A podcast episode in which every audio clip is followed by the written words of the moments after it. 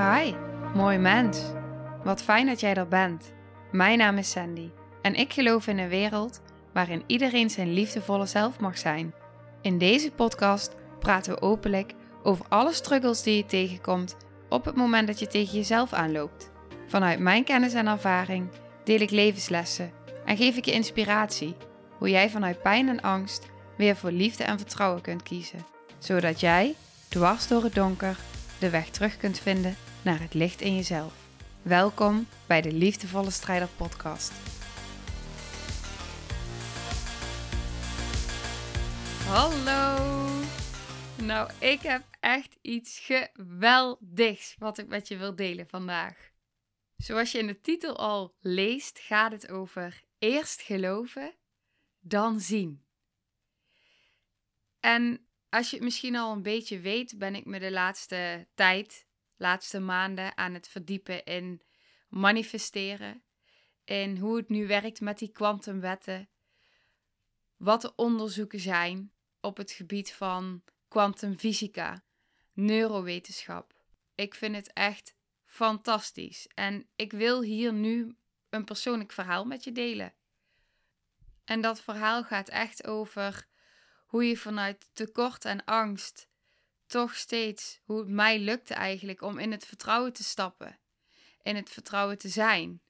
En iedere keer weer kiezen om terug te gaan naar het vertrouwen. En wat dat uiteindelijk voor effect had op in wat ik manifesteerde, op in hoe mijn uiterlijke realiteit, nou ja, en eigenlijk ook innerlijke realiteit veranderde. Hoe gewoon mijn hele realiteit veranderde. Ik weet niet of je de aflevering hebt geluisterd over mijn miskraam. Maar ik heb dus een aantal maanden geleden heb ik een miskraam gehad. En drie maanden na deze miskraam raakte ik op een bepaald moment in de angst. Wat als? Wat als het mij niet meer lukt? Wat als ik niet meer vruchtbaar ben? Wat als er iets mis is gegaan? Wat als het niet meer kan? Dus wat ik ging doen, is wat ik eigenlijk de keer daarvoor had besloten niet meer te doen in de vorige zwangerschap. Is aan de gang met ovulatietesten. Maar ik dacht, ja, misschien kan ik met die ovulatietest dan in ieder geval meten wanneer mijn hoge vruchtbare dagen zijn en wanneer de ijsprong plaats gaat vinden. En eigenlijk zijn dat twee verschillende, het is één test met twee verschillende um, signalen eigenlijk die hij aangeeft. Dus hij geeft aan wanneer je hoog in je vruchtbaarheid zit en hij geeft aan nu is je ijsprong. Ik deed die week, ik denk zo'n zes verschillende testen achter elkaar. In de week dat mijn vruchtbaarheid hoog zou moeten zijn. Maar mijn vruchtbaarheid was nul. Geen vruchtbaarheid, geen ijsprong. En er was dus een moment wat je je misschien kan voorstellen dat ik nog meer in de angst raakte. En ik besloot toen, na overleg met een vriendin, om de verloskundige te bellen en het gewoon te bespreken. Die zei tegen mij dat de testen bijna 99, nog wat procent betrouwbaar zijn.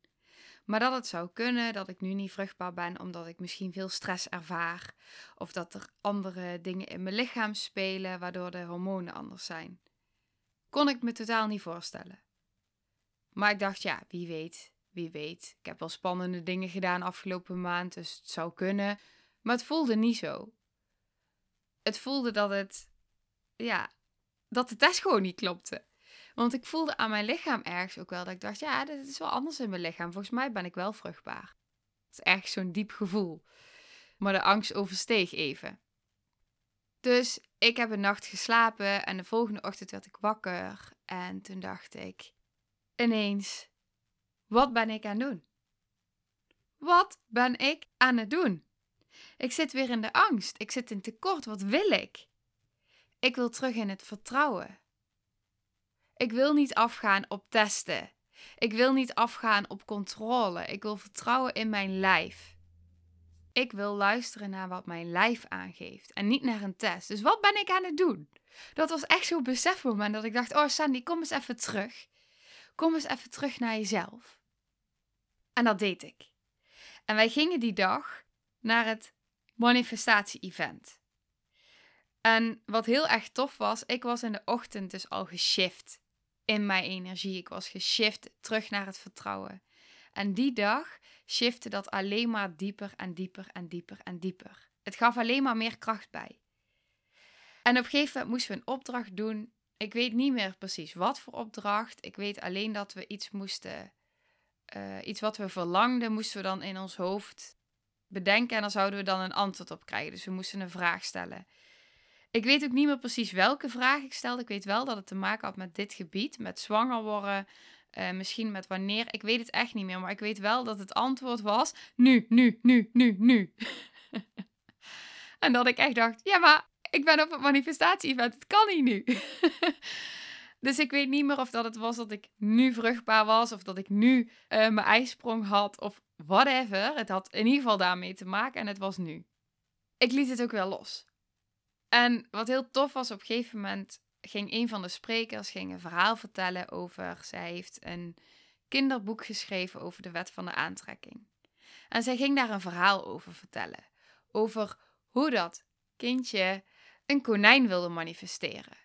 En in dat kinderboek legt oma dan aan dat kindje uit de stappen van dat proces.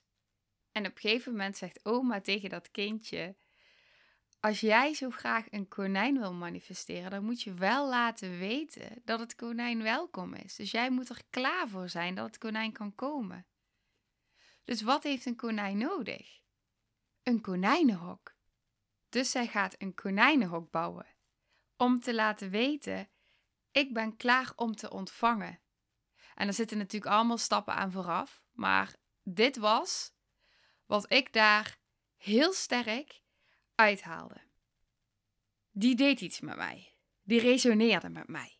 En daarom vertel ik hem nou ook, omdat dat een belangrijk onderdeel is geweest in mijn proces, in deze reis van eerst geloven, dan zien. Een paar dagen na het event liepen Bram en ik door de stad. En wij liepen in de stad en ik zag op een gegeven moment de prenatal. En ik dacht, ik wil even naar binnen. Ik wil daar lopen en voelen hoe het voelt, hoe het zou zijn als ik hier straks spulletjes mag kopen voor ons kindje. Dus wij lopen samen door de prenatal en ik voel echt, ik voel, ja, ik voel vertrouwen. Ik voel liefde. Ik voel hoe tof zou het zijn als. En ik zie andere moeders en ik denk, oh, wat, wat, wat mooi. Wat mooi. Wat, ja, ik voelde alleen maar dat. Heel sterk. En op een gegeven moment zag ik slingers hangen. Wij zagen slingers hangen. En we zagen slingers met daarop regenboogjes. En de ene was wat meer met sterretjes en blauwe wolkjes. En de andere was wat meer met hartjes en roze wolkjes. Dus wij keken elkaar aan en we zeiden tegen elkaar: Kijk, dit babykamer nu meteen klaarmaken is wat snel. Maar we kunnen wel vast de slingers ophangen in het kamertje die de babykamer gaat worden, om te laten weten dat wij klaar zijn.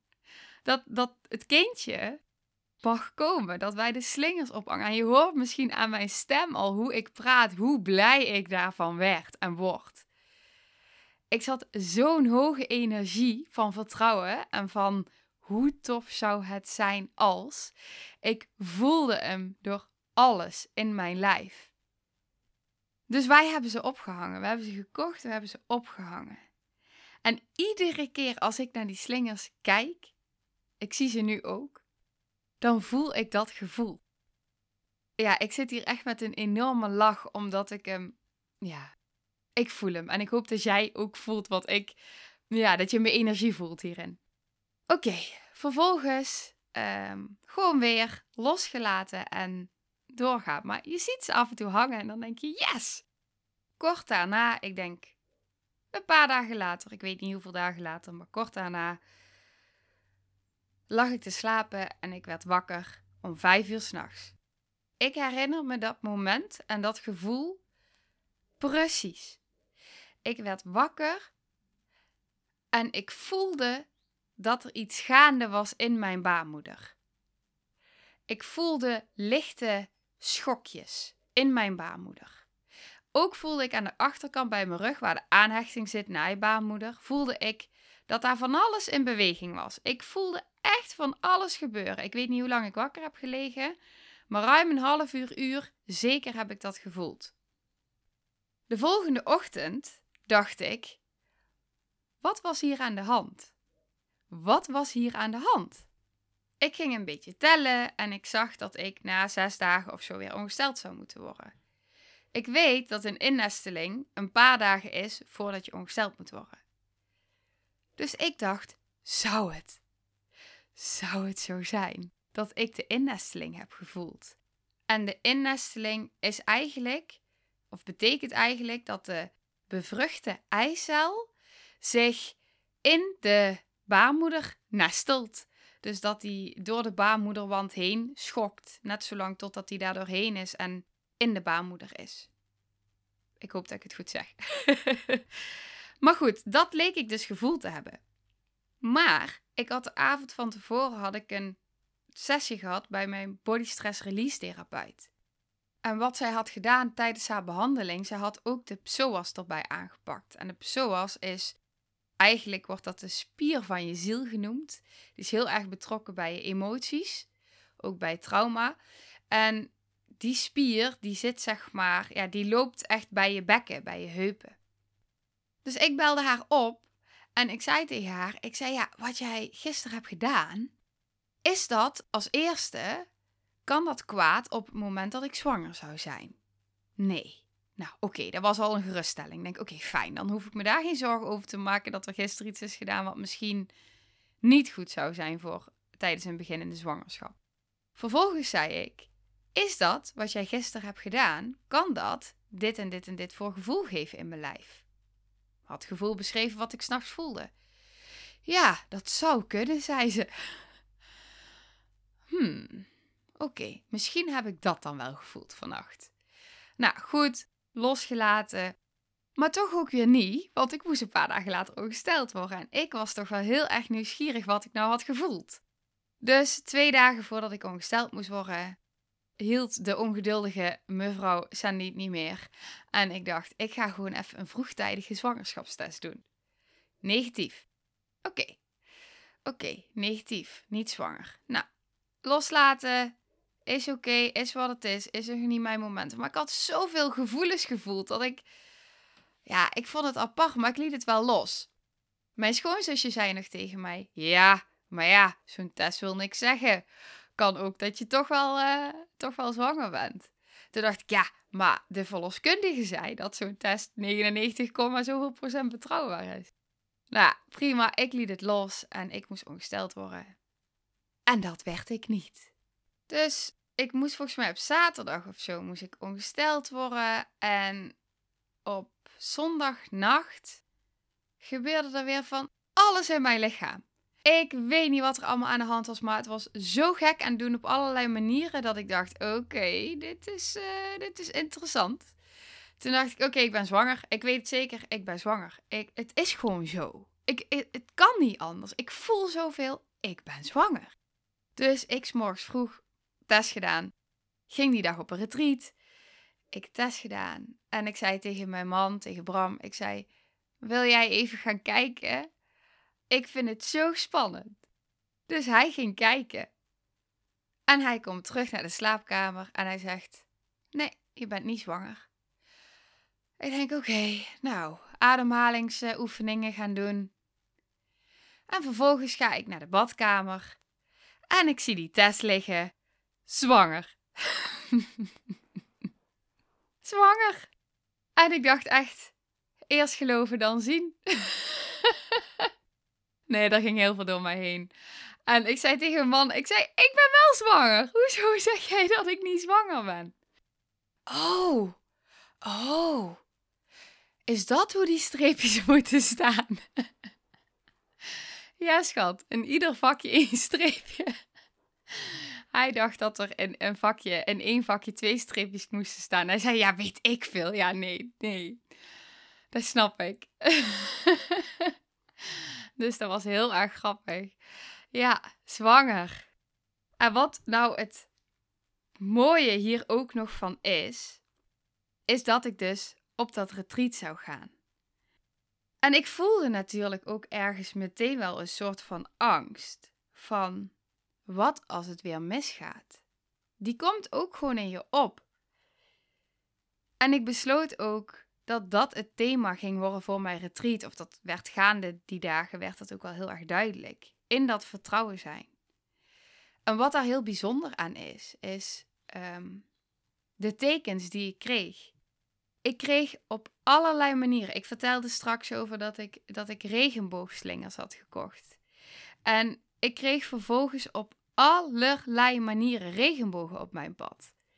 En in eerste instantie had ik het nog niet zozeer door. Ik ging op retreat en ehm, ik moest nog een schriftje kopen.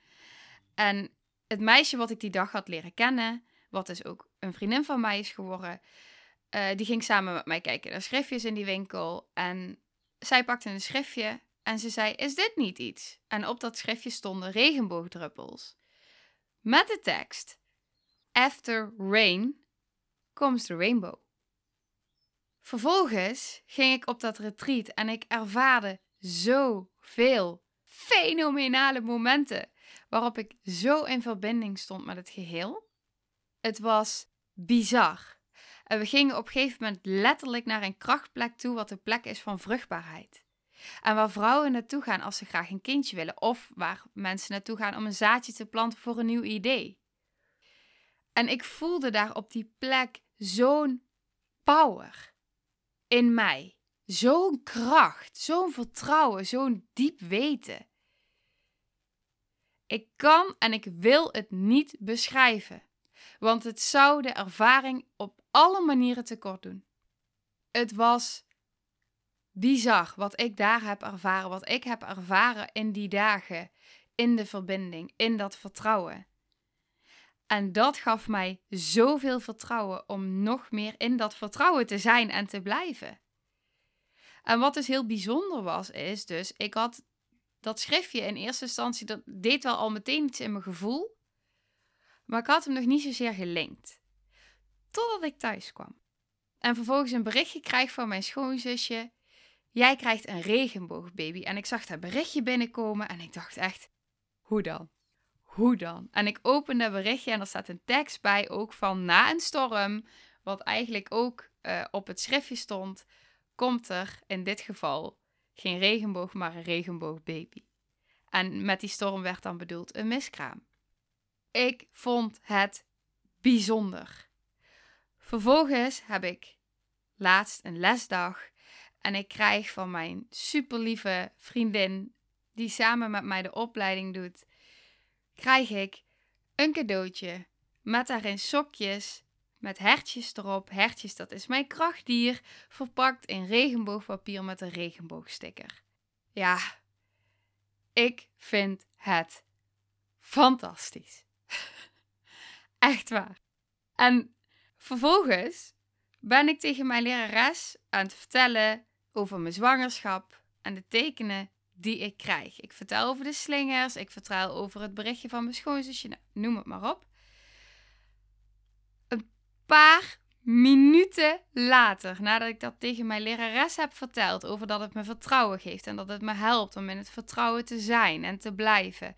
Een paar minuten later bedacht ik: hey, ik wil een, een kaart trekken. Uh, wat me kan helpen vandaag. Dus ik zie een, een doosje. Ik denk: oké, dit wordt het. Ik open hem. Ik haal er een kaart uit. En ik kijk op die kaart. Er komen een paar mensen uit de klas bij me zitten aan tafel. En ik zie eerst staan. Um, en het is een kaart van medicijnvrouw. En daar staat ook onder. Het had allemaal te maken met een healer zijn, een genezer zijn. Uh, het, het ging allemaal over healen en genezen. Dus ik had het even snel gelezen en hun zitten al bij mij. En op een gegeven moment lees ik nog even rechts het stukje. En rechts staat ineens: Zij wordt ook vrouwen regenboog genoemd. Zij helpt vrouwen bij zaken van vruchtbaarheid en het baren van een kind. En ik stond net daarvoor tegen mijn lerares te vertellen over alle tekenen die ik kreeg met die regenbogen. Ik trek daarna een kaart en ik trek de vrouw die ook wel vrouwenregenboog wordt genoemd. Ja, nou echt. Ik ging sky high. en nog steeds. Ik dacht echt, dit, dit is synchroniciteit. Dit is synchroniciteit. En in dit hele proces, op alle mogelijke manieren, komt het steeds tot me. Ja, ik, ik, ja, ik ben zo dankbaar. Ik ben zo dankbaar, want ik heb zo gevoeld wat het doet. Als je durft om in het vertrouwen te stappen. En als je keer op keer naar dat vertrouwen terugshift. En als je ook loslaat dat het ook oké is als het niet nu gebeurt. Dat het ook oké is. Dat je, dat je erop vertrouwt, vooral dat, dat je erop vertrouwt dat het komt op het juiste moment. En dat je durft te vertrouwen op je lichaam. En niet de controle uitoefent op de dingen daaromheen. Zoals een verloskundige gaan bellen, zoals met vriendinnen gaan appen, zoals testen gaan doen. Maar terug naar jezelf. Terug naar dat vertrouwen, terug naar die wijsheid die in jou zit, in jouw lijf. En dan vanuit die verbondenheid steeds weer in dat vertrouwen stappen. En dan zie je dat het in je uiterlijke wereld om jou heen zich gaat manifesteren. Letterlijk. En iedere keer als ik nu angst voel, want ja, die voel ik ook nog steeds. Dan zeg ik letterlijk: Dank je wel. Ik hoor je, ik zie je. Dank je wel dat je er bent en dat je me bewust laat zijn dat ik nu voor iets anders kies. En dan stap ik weer terug in het vertrouwen. En in dat vertrouwen zijn betekent geloven dat het mogelijk is. Maar ook vertrouwen. Vertrouwen op dat alles op het juiste moment in jouw leven verschijnt. Vertrouwen dat alles gebeurt om een reden. Vertrouwen op je gevoel. En daarnaast iedere keer weer stappen in de persoon die jij wil zijn. Ik wil iemand zijn die leeft vanuit vertrouwen. Die leeft vanuit wat ik voel in mijn hart.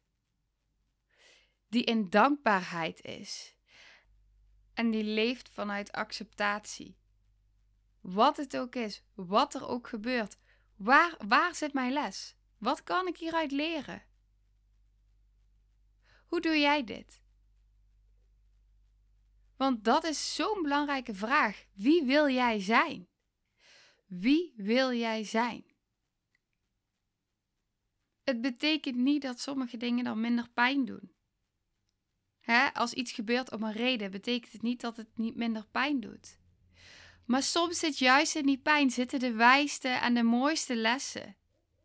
Ik geloof dat bijna altijd in die pijn de mooiste lessen zitten.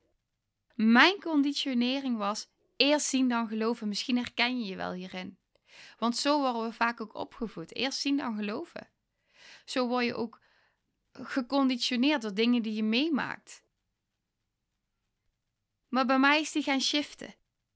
Naar eerst geloven dan zien. Eerst geloven, eerst voelen. Voelen. Wat ik vertelde over dat voelen in die prenatal. Hoe tof zou het zijn als ik voelde het. Ik voelde, ik, ik, ik voelde het in alles door me heen. Vanuit dankbaarheid. Vanuit vertrouwen. Ik voelde die persoon die ik wil zijn, die moeder die ik wil zijn. Voor dat kindje. Ik voelde dat ik tegen het kindje kon zeggen: Ja, je bent welkom. Wij zijn er klaar voor op het moment dat jij klaar bent om te komen. Wij zijn er nu klaar voor, wij zijn er over een paar maanden klaar voor. Het is oké. En doordat ik dat los kon laten, doordat ik kon vertrouwen, vertrouwen, vertrouwen, vertrouwen. En kon voelen vanuit die dankbaarheid, vanuit een weten, vanuit dat vertrouwen.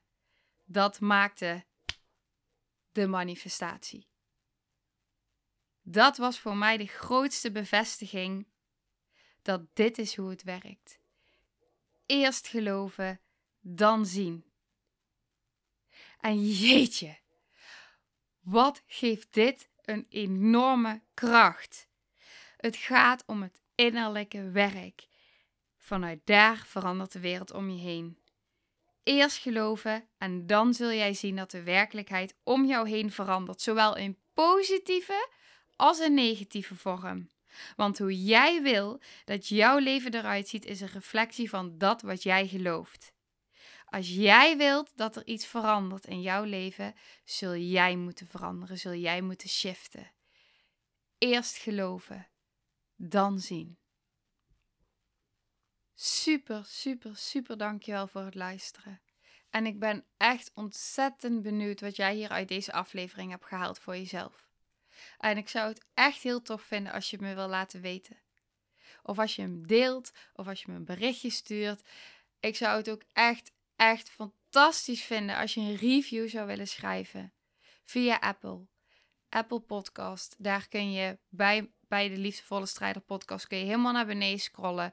En kun je een paar sterren geven. Of zelfs een reactie schrijven. Ik zou dat echt ontzettend waarderen. En niet alleen ik, want daardoor wordt de podcast beter gevonden. En zullen ook andere mensen er iets aan hebben. Dus super dankjewel als je dat voor me wilt doen. En ja, ik ben echt heel benieuwd wat jij deze aflevering hebt gehaald. Let me know. Oké, nou, lieve jij, fijne dag. En nogmaals, dankjewel.